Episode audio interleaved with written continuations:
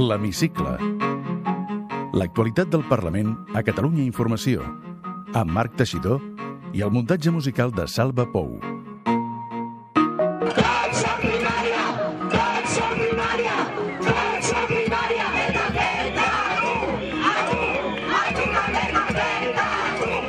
Són algunes de les consignes que els professionals de l'atenció primària han cridat aquesta setmana a les portes del Parlament. Manifestacions del sector sanitari per reclamar millores en el sistema i que s'han estès a altres col·lectius del sector públic com bombers, estudiants i professors d'ensenyament universitari, primària i secundària.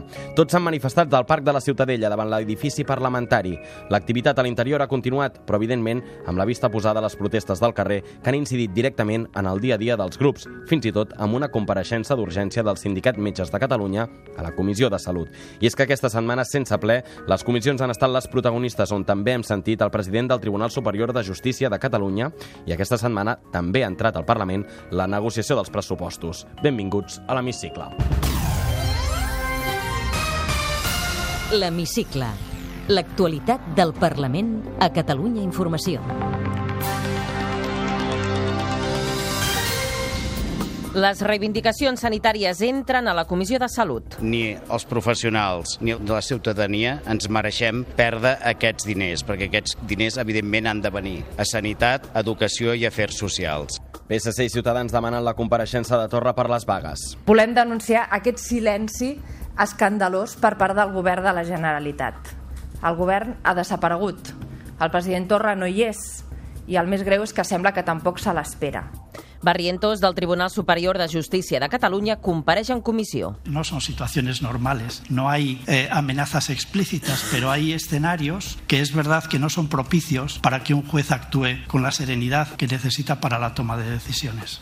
La consellera Borràs presenta l'informe de Política Lingüística 2017 al Parlament. Xifres que són positives per la llengua catalana, que va creixent en nombre de coneixement de, de persones que s'incorporen a la nostra llengua i ho fan en uns consums culturals, en uns àmbits com per exemple el de les xarxes socials, el de les tecnologies. I ens contestaran una frase al qüestionari de l'hemicicle. Eusebi Campdepadrós, soc de Junts per Catalunya i en aquest moment ocupo el càrrec de secretari primer de la mesa del Parlament.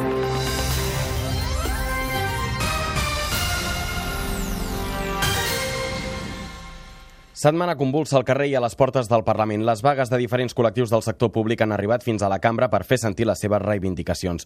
Els professionals de la sanitat, els primers a acostar-se al Parc de la Ciutadella, seguits de bombers i, finalment, del personal implicat en l'ensenyament, mestres, docents, professors universitaris i estudiants. La protesta del sector sanitari entra de ple a la cambra a través de la Comissió de Salut, on els representants del Sindicat Metges de Catalunya expliquen les seves reivindicacions. Ho repassem amb l'Àngels López.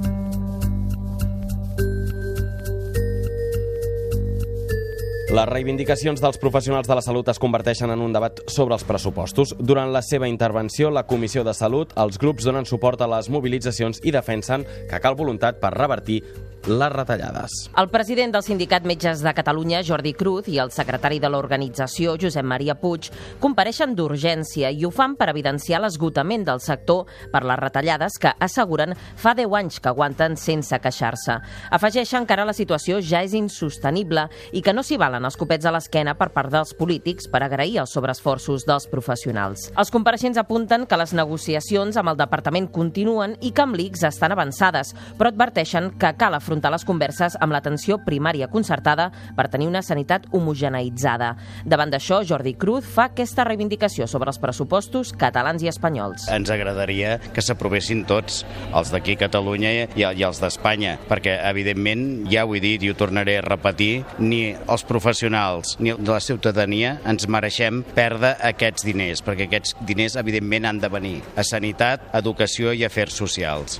Els grups coincideixen a defensar les mobilitzacions i a fer seves les reivindicacions. Sobre els pressupostos, Junts per Catalunya i Esquerra, que són els grups que donen suport al govern, apunten cap als comptes catalans per apuntalar la situació. En parlen Lluís Guinó, de Junts per Catalunya, i Espigares dels Republicans. El que sí que demanem és que aquesta coincidència i vostè ja ho ha explicat perfectament, aquesta coincidència política dels grups parlamentaris es transformi en coincidència pressupostària, que per fer efectives totes aquestes mancances, per resoldre totes aquestes problemàtiques, per intentar dignificar novament l'atenció primària, perquè hi hagi els metges necessaris per complir els ràtios, també s'han d'aprovar els pressupostos del govern de la Generalitat de Catalunya. És evident que amb els pressupostos podrem fer moltes més coses i aquí no només depèn d'Esquerra i de Junts per Catalunya, depèn d'altres grups trobar les complicitats, però alhora no, no sense pressupostos es podrà fer res. Aquí no podem dir que és ni blanc ni negre, hem de trobar els matisos. Des de l'oposició també es parla de números, però el PSC ho fa mirant-se els de Madrid. Ho diu Assumpta Escarp. I de cara a aquestes reivindicacions i de cara a tot el moviment que avui hi ha al carrer de moltes altres professions i de molts altres sectors, m'agradaria demanar també als grups que donen suport al govern que donguin suport al pressupost generals de l'Estat, que són 2.200 milions de diners, d'euros més per Catalunya, i que amb aquests diners siguin el que es pugui elaborar de nou els pressupostos a Catalunya. La diputada de Catalunya en Comú Podem, Marta Ribas, és molt crítica amb la gestió del govern i parla de voluntat política al marge dels comptes. La tardor calenta que es preveia no era la que alguns pensaven, sinó que era la de posar en evidència allò que està passant. Les retallades que es van fer brutals en els últims anys, la voluntat política determinada que hi havia en alguna d'aquelles retallades eh, de tocar el sistema en uns temes no, que eren especialment sensibles, continuen vigents. S'han revertit algunes coses, però el sentit i l'efecte brutal d'aquelles retallades continua vigent després d'haver canviat aquell govern dels millors ja en dues ocasions. Ciutadans i PP també fan costat als manifestants i fan aquesta reflexió. Sentim Jorge Soler, diputat taronja, i Santi Rodríguez, dels Populars. Demanem, evidentment, com vostès diuen, diners. Aquí és evident que sense diners no es poden fer moltes coses, però també demanem molts canvis. Els nostres companys sabeu, saben que no solament estan demanant finançament, estan demanant en dignitat. Ara cal que això aquestes voluntats expressades pel Parlament, aquestes voluntats expressades unànimament, tinguin el seu reflex amb les polítiques del govern. Finalment, el mateix dia que compareix el Sindicat de Metges de Catalunya al Parlament, el Departament de Salut tanca un acord amb l'atenció primària, però no amb l'atenció primària concertada. Davant d'aquestes mobilitzacions, els partits més beligerants són el PSC i Ciutadans i ho fan apuntant directament al president Quim Torra. La portaveu socialista Eva Granados acusa el govern de passivitat i se'n lamenta. Volem denunciar aquest silenci escandalós per part del govern de la Generalitat. El govern ha desaparegut. El president Torra no hi és i el més greu és que sembla que tampoc se l'espera. Des de Ciutadans és directament la líder Inés Arrimadas la que compareix i demana Torra que comparegui immediatament al Parlament. ¿Dónde está la comparecencia urgente del señor Torra? ¿Dónde está la comparecencia urgente que sí que hizo hace un par de semanas para defender a Otegui? ¿Qué pasa? ¿Que le importa más Otegui que la sanidad catalana, que los catalanes? ¿Qué pasa? ¿Que una huelga de cuatro días no es suficiente como para hacer que el señor Torra comparezca ante los catalanes? Al marge de les mobilitzacions del sector públic vinculades als pressupostos, la negociació dels comptes també entra en l'hemicicle. Els comuns, que són els primers a ser citats pel govern, comencen la setmana posant sobre la taula les condicions per poder negociar i acabar donant llum verda als números de Torra i Aragonès. Els comuns són clau per tramitar els pressupostos de la Generalitat i ensenyen les seves cartes per poder negociar. Els comuns proposen una reforma fiscal que suposi un augment de la recaptació entre 600 i 700 milions d'euros. Calculen que el gruix d'aquests diners es podria obtenir revisant les bonificacions de l'impost de successions i donacions i, en menor mesura, augmentant l'IRPF per les rendes de més de 90.000 euros. Els canvis en la tributació de l'IRPF i de les herències afectarien el 2% dels contribuents. Més endavant d'aquesta setmana, primera trobada entre el vicepresident de la Generalitat i conseller d'Economia, Pere Aragonès, i una delegació de Catalunya en Comú Podem per començar a negociar. Mentre Aragonès valora positivament la primera reunió i afirma que hi ha acord en nou de les 10 propostes que han plantejat, els comuns discrepen d'aquesta interpretació i adverteixen que l'acord està molt lluny. El president del Tribunal Superior de Justícia de Catalunya, Jesús María Barrientos, també compareix en comissió i evita la confrontació política amb els independentistes. Esquerra li demana que dimiteixi per la seva actuació l'1 d'octubre i en la gestió dels atemptats de l'estiu. El president del Tribunal Superior de Justícia de Catalunya presenta al Parlament la memòria anual de l'activitat judicial catalana i evita parlar del procés, però alerta que hi ha escenaris que incomoden la feina dels jutges. No son situaciones normales, no hay eh, amenazas explícitas, pero hay escenarios que es verdad que no son propicios para que un juez actúe con la serenidad que necesita para la toma de decisiones. Com a prova, revela que Puigcerdà, el jutge que investiga les pintades a la casa de Llarena, va haver d'entrar i sortir del jutjat camuflat. Els grups independentistes carreguen contra Barrientos. Marc Sangles d'Esquerra el convida a plegar i Eusebi Campdepadrós de Junts per Catalunya li retreu que no defensés que la causa de l'1 d'octubre no havia d'anar al Suprem. Creiem que després de la repressió existent en aquest país que ha activat i ha comptat amb la connivència d'alguns òrgans judicials d'aquest país, alguna cosa s'havia dir en aquesta memòria. Per tant, des d'aquest punt de vista, nosaltres creiem que el millor que podria fer en aquests moments és plantejar-se de dimitir el seu càrrec. Senyor Barrientos, les porres van fer molt mal. Les togues en fan i n'estan fent molt més. Ciutadans i el PP denuncien pressions i ingerències del govern català en la justícia.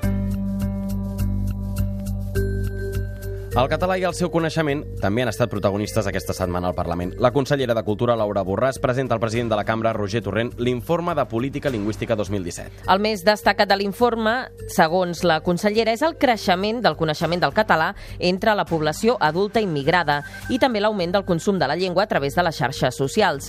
Segons l'estudi, el 73% dels consumidors utilitzen el català a les aplicacions de missatgeria i a les xarxes. Xifres que són positives per la llengua catalana, que va creixent en nombre de coneixement, de, de persones que s'incorporen a la nostra llengua i ho fan en uns consums culturals, en uns àmbits, com per exemple el de les xarxes socials, el de les tecnologies, que tenen associat un component de modernitat, que tenen associat un component de joventut i, per tant, de futur, que col·loquen la llengua catalana en l'àmbit eh, digital amb força.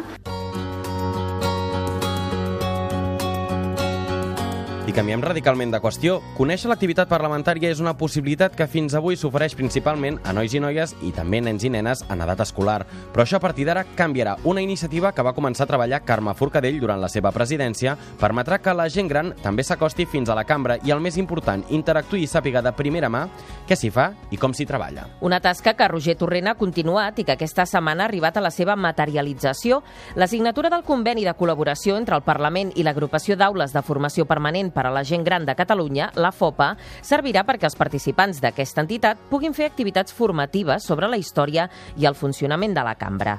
El projecte preveu estendre a la gent gran els tallers de simulació parlamentària que permeten conèixer la institució emulant la tasca dels diputats, també la formació dels grups parlamentaris, els processos de debat i pacte i l'elecció del president de la Generalitat. La presidenta de la FOPA, Montse Lamua, ho explica així.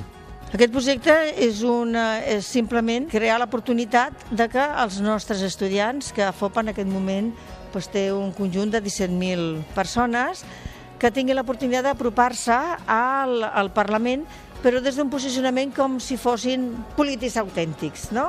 I aleshores debatre, crear una, una llei.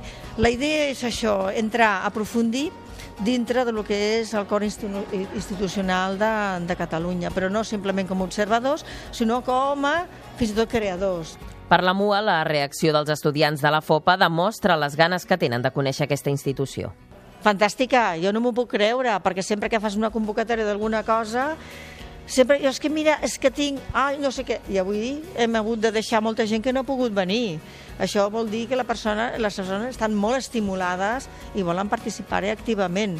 Ja ho fan en el seu àmbit, però ara ja és una altra cosa, és entrar en el temple de la institució, no de les institucions, sí. Fins ara aquest tipus de tallers s'han adreçat als alumnes de primària, secundària, batxillerat i universitat, adaptats a cadascun d'aquests nivells educatius. Al curs passat van participar-hi prop de 9.000 estudiants.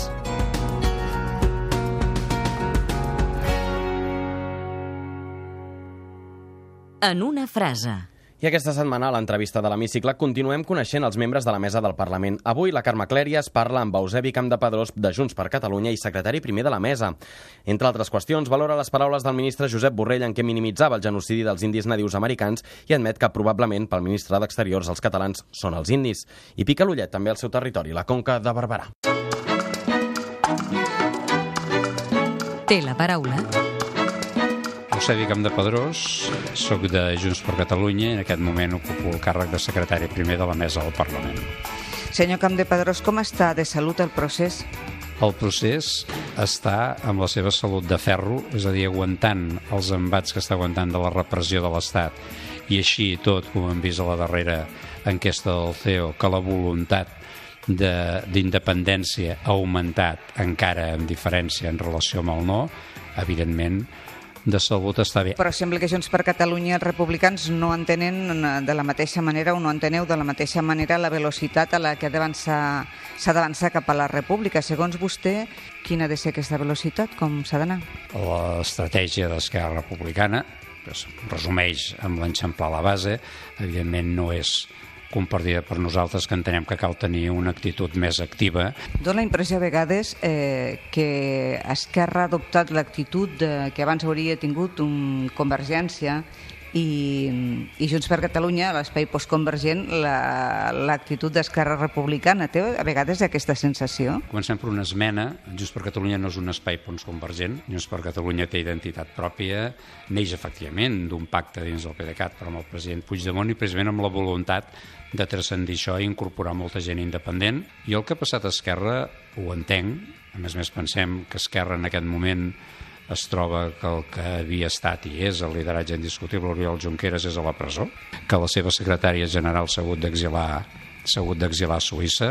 Per tant, pensem que qualsevol organització política que es veu d'aquesta manera tocada en el que eren els seus líders i referents principals, doncs, lògicament això es tradueix a la resta d'organització.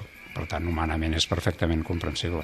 Què és el que es trasllada a la resta d'organització? Què vol dir-me? Doncs la reflexió que ha fet l'Oriol Junqueras i que ha donat a conèixer públicament amb cartes doncs, que considera, i és l'estratègia que està aplicant Esquerra, doncs que l'estratègia de confrontació eh, més directa amb l'Estat doncs, considera que s'ha d'ajornar i que cal procurar doncs, enxamplar la base, és a dir, assolir més base independentista. Creu que Esquerra s'equivoca?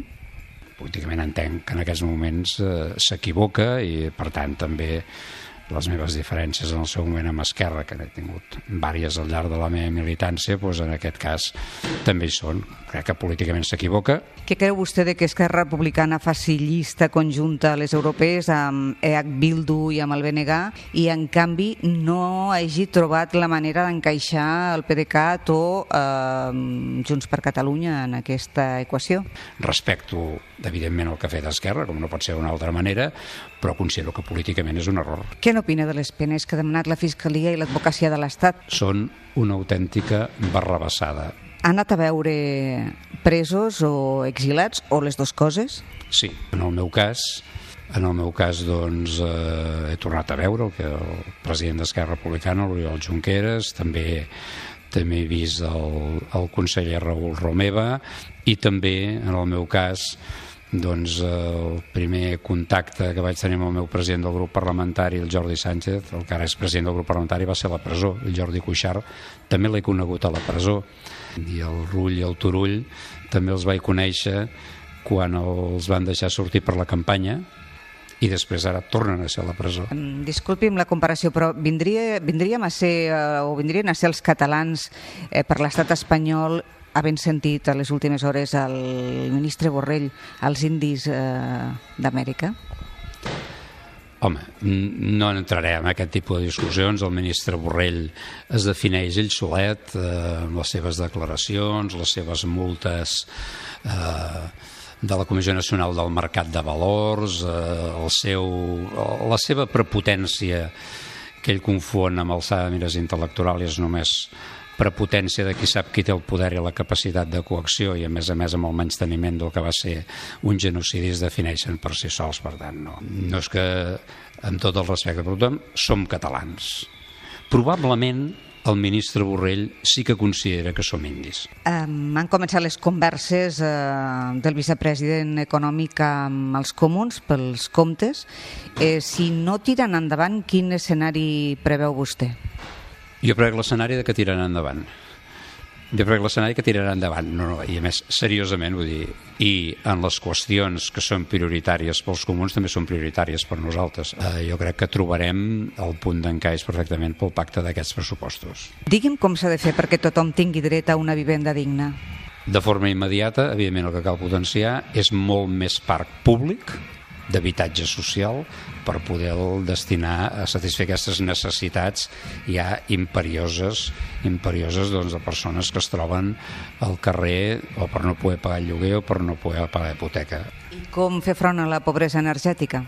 assumint també, especialment per les administracions, com s'havia fet també amb la llei que s'havia desenvolupat des d'aquí al Parlament de Catalunya i lògicament en col·laboració amb les energètiques, doncs els costos que no poden a, eh, assumir les famílies. Digui'm quan creu que durarà aquesta legislatura. La voluntat que ha explicitat el govern que evidentment la legislatura lògicament havia de durar fins a la sentència, però no només fins a la sentència, la legislatura ha de donar precisament també per donar resposta a la sentència. Quina llei concreta li agradaria a vostè que s'aprovés al Parlament abans de que es dissolgués? Doncs a mi m'agradaria que s'aprovessin, sobretot, recuperar totes les lleis aquestes que han estat suspeses pel Tribunal Constitucional. La de canvi climàtic és molt important perquè configura un model energètic. Vostè té mútua o va a la salut pública? Jo va, tota la vida he anat a la salut pública. Pis de lloguer o de propietat? De propietat. Amb quin diputat o diputada que no sigui del seu grup compartiria taula i una sobretaula distesa? Amb l'Inés Arrimadas. Un pecat confessable? Em continua agradant massa eh, córrer amb cotxe. Quin és el seu paisatge favorit? Evidentment el d'on vaig néixer, la Conca de Barberà. I els seus hobbies? Llegir, eh, practicar ciclisme, i soc molt aficionat també a la, a la història. Vostè llegeix poesia, novel·la, assaig? Té algun llibre de capçalera per recomanar? Llibre de capçalera per recomanar, Incerta Glòria. Una música que l'identifiqui? Bueno, és una música que, que ens identifica a mi i a, la, i a la meva dona, que és la moixiganga del Jamasí. Què el fa somriure inevitablement? moltes coses, vull dir, qualsevol bon... Sobretot bons moments passats amb, amb la meva dona i amb els amics. Què és el que li fa por? L'únic que em fa por és no estar a l'alçada de complir el compromís que he assumit. Creu en l'amor a primera vista? Sí, i tant. Completi'm aquesta frase. El que més m'agradaria del món és... que més m'agradaria del món, doncs en aquest moment seria arribar a veure la llibertat de, de Catalunya pel que significaria de benestar per tots i cadascun dels ciutadans. Gràcies. A vosaltres.